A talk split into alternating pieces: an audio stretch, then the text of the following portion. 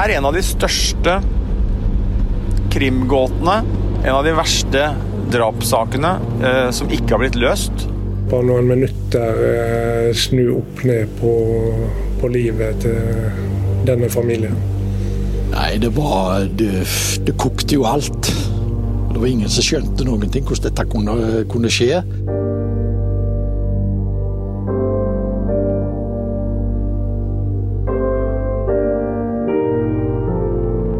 Vi skal til et lite sted ved havgapet på Sør-Vestlandet. Til en øy med store strender og mange skjær. I ly fra vær og vind, i et sund mot fastlandet, ligger tettstedet Kopervik på Karmøy. Her skjedde det noe en maikveld i 1995 som skulle ryste hele Norge. En 17 år gammel jente kom aldri hjem fra fest på bedehuset. Sist gang hun blei sett, var i gågata i Kopervik rundt midnatt. Morgenen etter ble hun funnet brutalt drept, gjemt bak et buskas et godt stykke fra byen og bare et par hundre meter fra der hun bodde. Skjørtet hennes var trekket opp, strømpebuksa var på anklene, og politiet mener at hodet hennes skal ha blitt knust med en 23 kilo tung stein. Jeg heter Tor Erling Tømt Ruud, og du hører på Krimpodden i VG.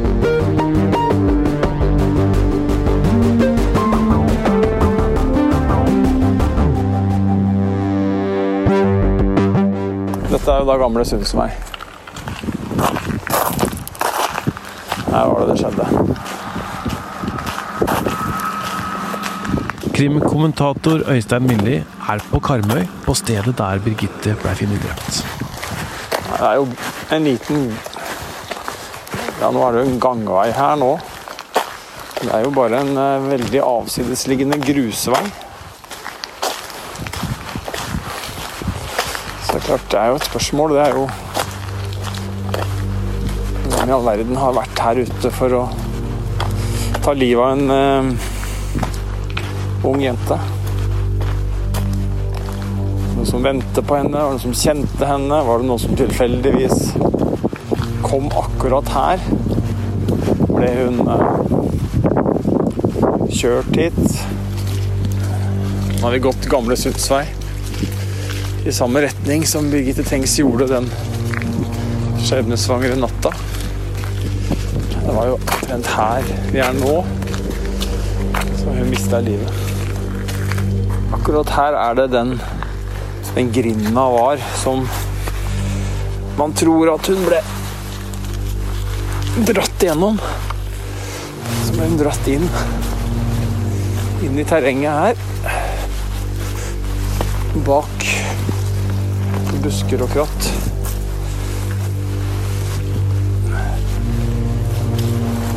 Ganske ulendt terreng her.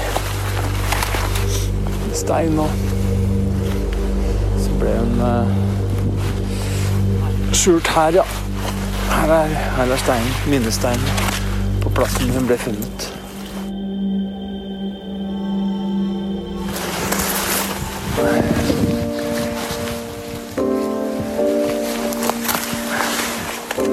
Står det en bamse, faktisk, med mose på. Den tenker jeg må ha stått der helt siden siden den steinen her kom opp. Kanskje den har vært der i faktisk da 25 år. Ganske sterkt å se det, altså.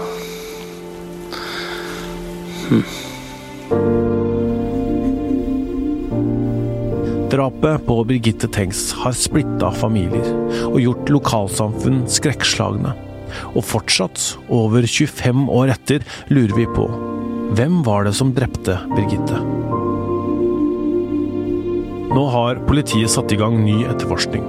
De går opp gamle spor og undersøker nye ledetråder. DNA er sendt til et laboratorium i Østerrike. Personer som aldri har blitt DNA-sjekka før, blir nå vurdert i saken. Vil politiet finne svaret? Og hvordan vil folk reagere? Nei, det var Det, det kokte jo alt. Det var ingen som skjønte noen ting hvordan dette kunne, kunne skje. Da gikk voldsomme rykter i, i denne perioden, og, og ja. Han du hører nå er Jakob. det er faren til fetteren til Birgitte Tengs. Han bor på Garmøy like ved foreldra hennes. Og det er jo klart at det gjorde et voldsomt inntrykk på, på min sønn. da. Han følte seg mistenkeliggjort. Og det var vel starten på en eh, prosess rundt han som var usedvanlig ubehagelig. Vi skjønte jo ikke hvordan dette kunne skje. Forsto ingenting. Jeg tok tross alt imot min sønn denne kvelden.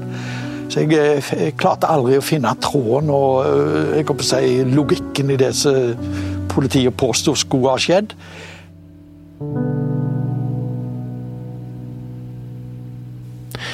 Fetteren er et ord som ofte dukker opp når vi tenker på Birgitte-saken. For hva var det med denne fetteren? Historien om fetteren og det som skjedde med ham, er noe som mangler sidestykke i norsk kriminalhistorie. Birgitte-saken har så mange oppsiktsvekkende elementer. Og nå etterforskes altså saken på nytt. Vi skal snart høre fra politiet om den pågående jakten, og hvor nærme de tror de er et gjennombrudd. Men først må vi gå litt tilbake. For husker du den her? I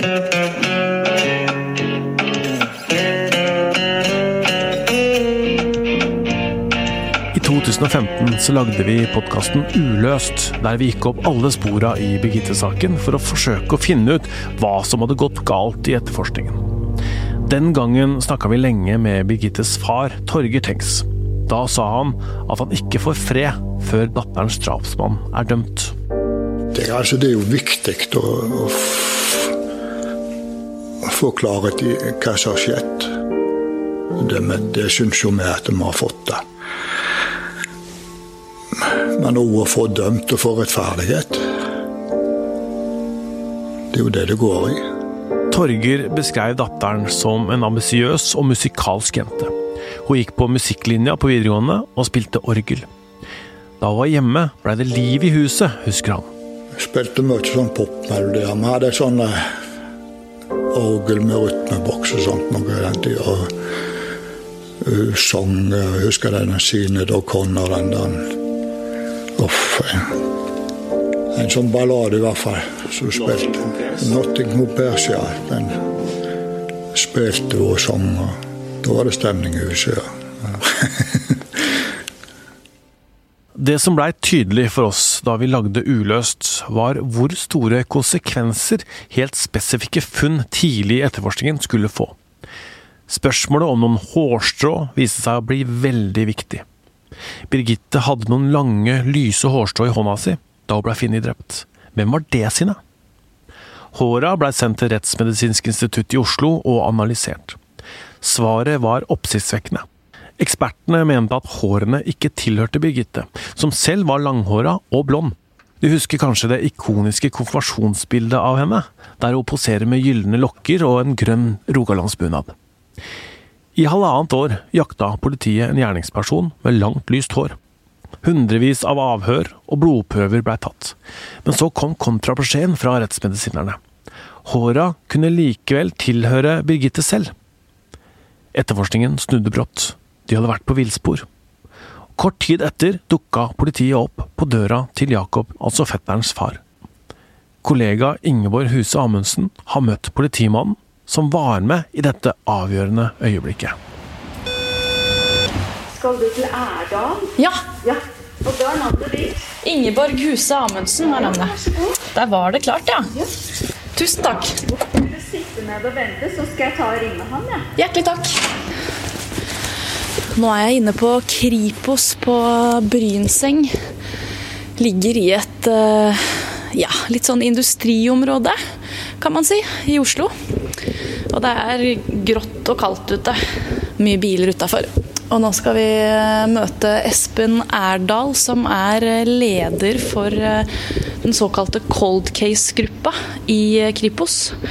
En egen enhet i politiet som etterforsker de mest alvorlige uoppklarte drapssakene i Norge.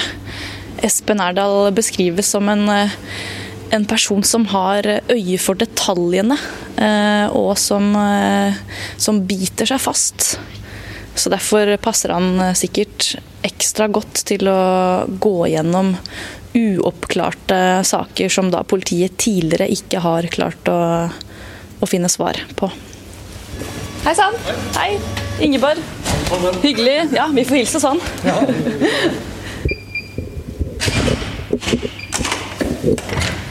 Hjertelig takk. Jo, Hvor er det dere holder til her på huset, da? vi holder til i gamlebygget. Okay. Ikke i kjelleren, som eh, mange sånne forfattere beskriver cold case-grupper. Men, eh, men uh, vi har et uh, greit uh, korridor med kontorer borti gamlebygget. Så.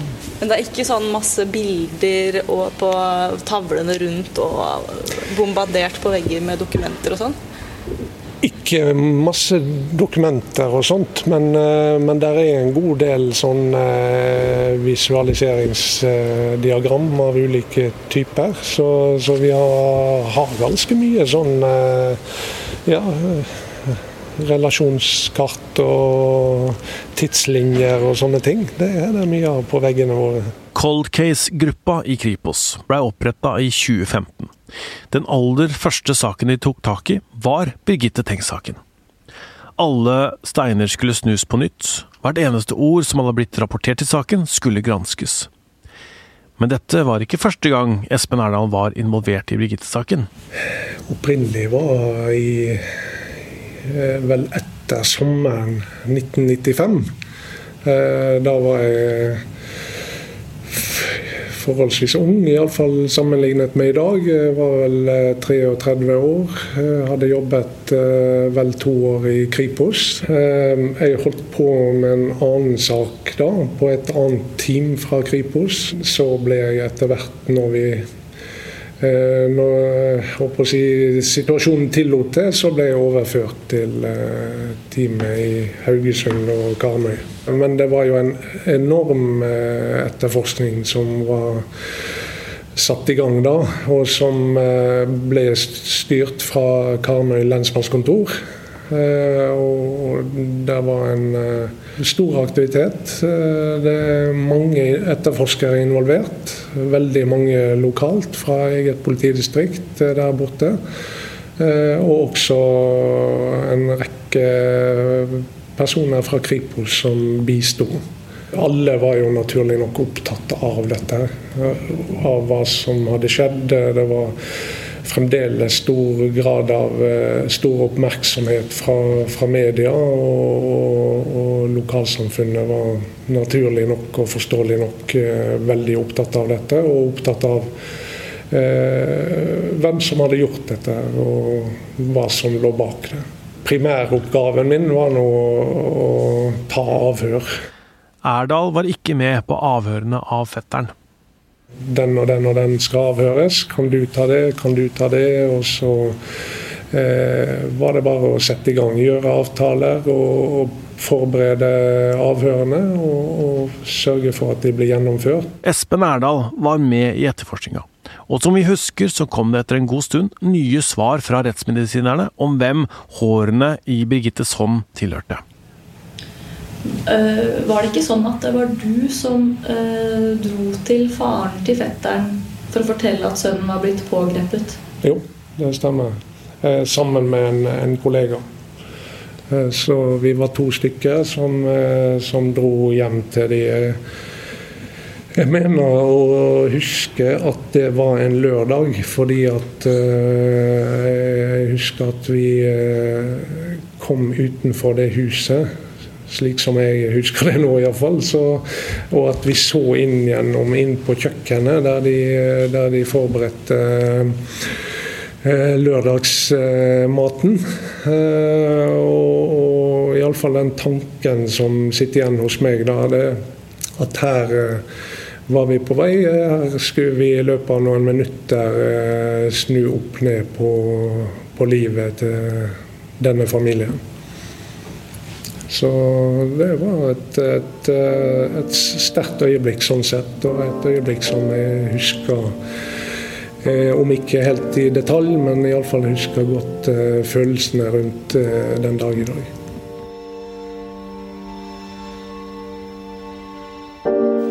Det er snart to år siden Birgitte Tengs ble funnet drept ved en øde landvei på Karmøy. Haugesundspolitiet har med hjelp fra Kripos brukt enorme ressurser på å oppklare drapet. Nå mener de at de kan ha funnet gjerningsmannen. I går pågrep de og siktet en 19 år gammel mann fra Karmøy for drapet. Han har tidligere vært avhørt som vitne, men da ble han ikke vurdert som interessant i saken. Etter en ny gjennomgang av vitneavhør samt alibisjekk av en rekke personer, har politiet fått nye opplysninger i saken. På bakgrunn av disse opplysningene har de pågrepet og siktet 19-åringen for drapet på Birgitte Tengs. Han har ikke tilstått. I morgen blir han fremstilt for varetektsfengsling. Nesten to år etter at Birgitte blei funnet voldtatt og drept på Gamle Sundsvei, så blei fetteren tiltalt for drapet. Først nekta han for å ha noe med drapet å gjøre. Men så, etter tre tøffe uker i avhør, så tilsto han. Og så kort tid etterpå så trakk han den tilståelsen. Hva var hele den greia og seansen her, Øystein? Ja, dette er jo kanskje norgeshistoriens mest omtalte uh, avhør og politiskandale. Um, fetteren mente jo at han var blitt pressa i avhør til å tilstå. At det foregikk manipulasjon, og at avhørsmetodene og hvordan de var lagt opp, Eh, var helt, eh, ja, helt skandaløse, faktisk. Det var og de har jo blitt sterkt kritisert i ettertid også, eh, og jo, var jo for så vidt kanskje noe av det som gjorde at avhørsmetodikken har blitt endra betydelig i de årene som har gått etter Birgitte Tengs-saken var i retten. Men problemet med avhørene var jo at de var, de var, de var ikke bare lange, men, men det ble ikke tatt lyd, ikke video. Ehm, og de var, eh, og når jeg sier lange, så var det i timevis, eh, dag etter dag. Altså man hadde en sånn eh, Framstår i hvert fall i ettertid som det var et slags forsøk på å slite han ut og gjøre ham psykisk svak, sånn at man da skulle få kanskje de resultatene man mente var, var riktige. Og det var jo Stian Elle, en erfaren Kripos-etterforsker, som gjennomførte disse avhørene. Ehm, og han ble jo utpekt i ettertid som den store syndebukken. Ehm, hans historie endte eh, på et veldig trist måte. Han eh, eh, tok sitt eget liv etter hvert. Ehm, og det som er å si om, om den situasjonen, er at noen har reagert, og, jeg er blant dem, på at Elle har blitt stående veldig alene ved disse avhørene. Ehm, det, er, det, kan ikke være sånn, og det skal ikke være sånn, og det kan heller ikke ha vært sånn at en avhører jobba i et vakuum. Og at det han gjorde i avhørsrommet med fetteren, var bare noe han visste om, og noe han styrte. Og, og, og hvor er, og hvor har i alle disse årene de som var eh, overordna eh, eller vært? Eh, hvilke ansvar har de tatt? Det spørsmålet syns jeg det er betimelig å, å stille selv um, så mange år etterpå, og, og, er en del av historien som jeg syns har blitt uh, underfortalt. Denne tilståelsen ble også trukket, men ble gitt uh, betydning i Karmsund herredsrett, der de dømte fetteren i denne saken. De dømte han til 14 års fengsel. Dette blei da anka og han blei frikjent i langmannsretten. Men så skjedde det noe rart. For i samme rett som slo fast at han var uskyldig i drapet, så dømte de ham til å betale 100 000 kroner i erstatning til Birgittes foreldre. Hvordan er det mulig? Ja, Det er jo kanskje den andre omstendigheten uh, i denne saken som uh, har vært kritisert og omdiskutert. Og, og den uh, for å begynne med en enkel versjon, så handler det om beviskrav. Uh, det er jo sånn at for å bli dømt eh, til straff, så kreves det bortimot 100% sikkerhet. Altså Nå er ikke juss matematikk, og bevisvurderingen er, er, fri, så man kan legge lite eller stor vekt på ulike bevis alt ettersom. Det er ikke noen regler for det. men men uh, man skal liksom uh, Det et Det sies vel at det skal være bevist utover enhver rimelig og fornuftig tvil. Altså helt opp Skal vi bruke en prosentsats og si at vi må bare opp mot 95 pluss, pluss, pluss for at du skal bli dømt. Når det gjelder erstatning, så er beviskravet lavere. Og det er ikke så lett å sette noen prosentsats på det, men, men det er eh, betydelig lavere. Og så vet vi jo at i årene som har gått, så har, eh, og det pågår fortsatt, en eh, kamp fra, fra fetteren og hans families side for å få denne dommen oppheva. og en slags endelig renvaskelse for de beskyldningene som har hengt over dem i alle år. Ja, Han har jo til og med gått til søksmål mot staten for å få fritatt dette erstatningskravet. Det har gått helt til Høyesterett, men der blei saken hans forkasta i fjor sommer. Vi har kontakta fetterens advokat Arvid Sjødin, som forteller oss at de ikke gir seg ennå. Her holder vi på til Dovre faller, sier han. Fetteren bor i Spania og har søkt over 300 jobber i Norge, men får ingen. Fordi navnet hans knyttes til erstatningsdommen og skyldspørsmålet i saken, ifølge advokat Sjødin. Nå klager fetteren Norge inn til FN han mener at den sivile dommen mot ham er et brudd på konvensjonen for sivile og politiske rettigheter, der det heter at ingen må utsettes for ulovlige inngrep på ære eller omdømme. Men fetteren blei altså frikjent for selve drapet i 1998. Politiet sto på nytt uten en gjerningsperson. Ja, de sto nærmest på bar bakke. Hele 17 år gikk før Kolkis-gruppa valgte å gå inn i Birgitte-saken på nytt. Da Først og fremst så handla det da om å få en eh, oversikt over hva som finnes av materiale i saken.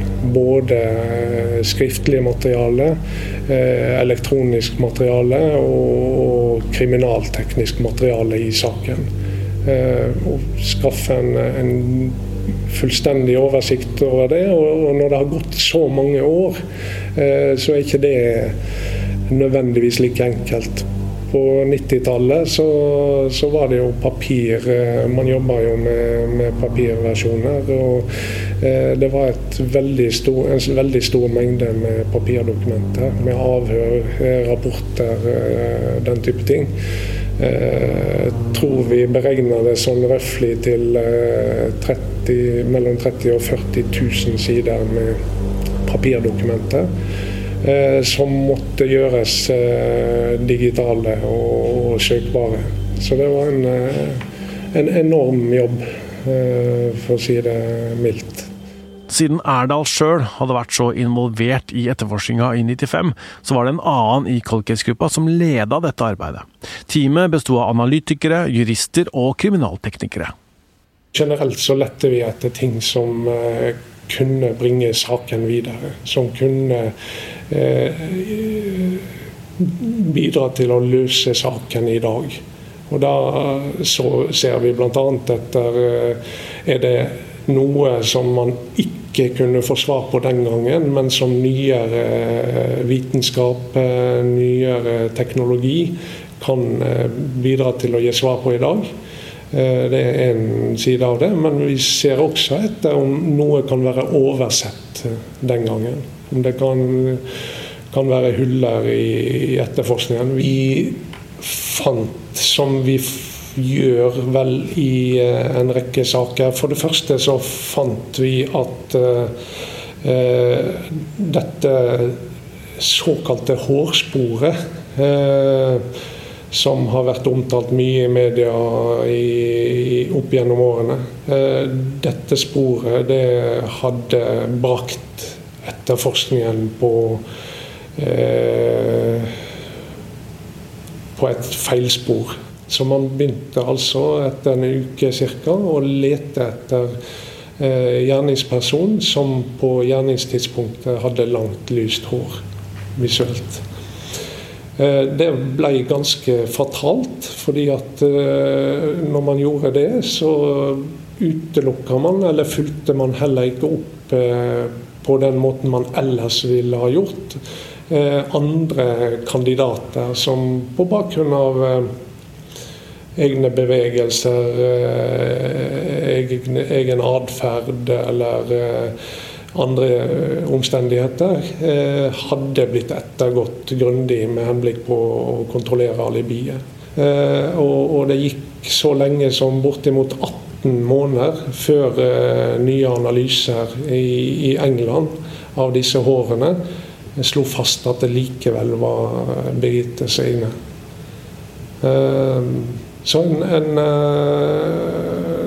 Det var rett og slett en tragedie for etterforskningen. Når så det ble klart at disse hårene var hennes egne, at man hadde jobba med en feil forutsetning, Eh, så eh, ble bunken den gangen eh, snudd, for å si det litt billedlig. Og man så på nytt på saken. Og det vi ser, er at ganske kort tid etter at man begynte på nytt, så har da fetteren blitt veldig aktuell, og etterforskningen blir eh, retta mot han. Det medfører at andre eh, kandidater, eh, andre personer som igjen burde vært ettergått, de ble heller ikke ettergått i denne runden.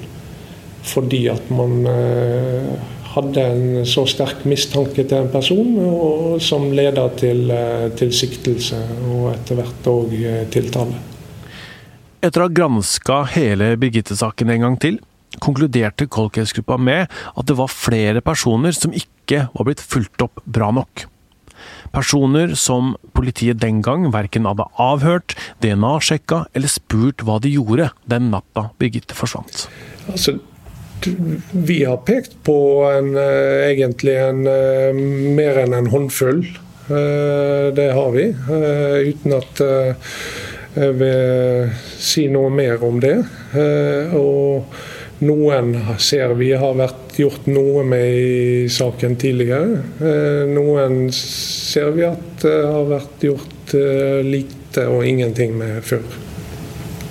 Men hva slags personer er det? Er det folk som kan ha hatt noe med drap å gjøre, eller er det også potensielle vitner eller litt mer perifere? Hva, hva legger dere i dette med kandidater? Nei, det, er, det, er, personer som vi, vi ser uh, den gangen, enten uh, på bakgrunn av sine bevegelser den aktuelle kvelden og natta, uh, eller på bakgrunn av forhold de har gjort tidligere. Eh, eller en kombinasjon av dette. Og, og vi har jo òg hatt den muligheten eh, eh, at, at, vi kan se på hva personer har gjort seinere etter drapet og i årene som har gått etter det. Så, sånn at det, det, er sammensatt. Det er ikke mulig å si en, en sånn felles betegnelse for det.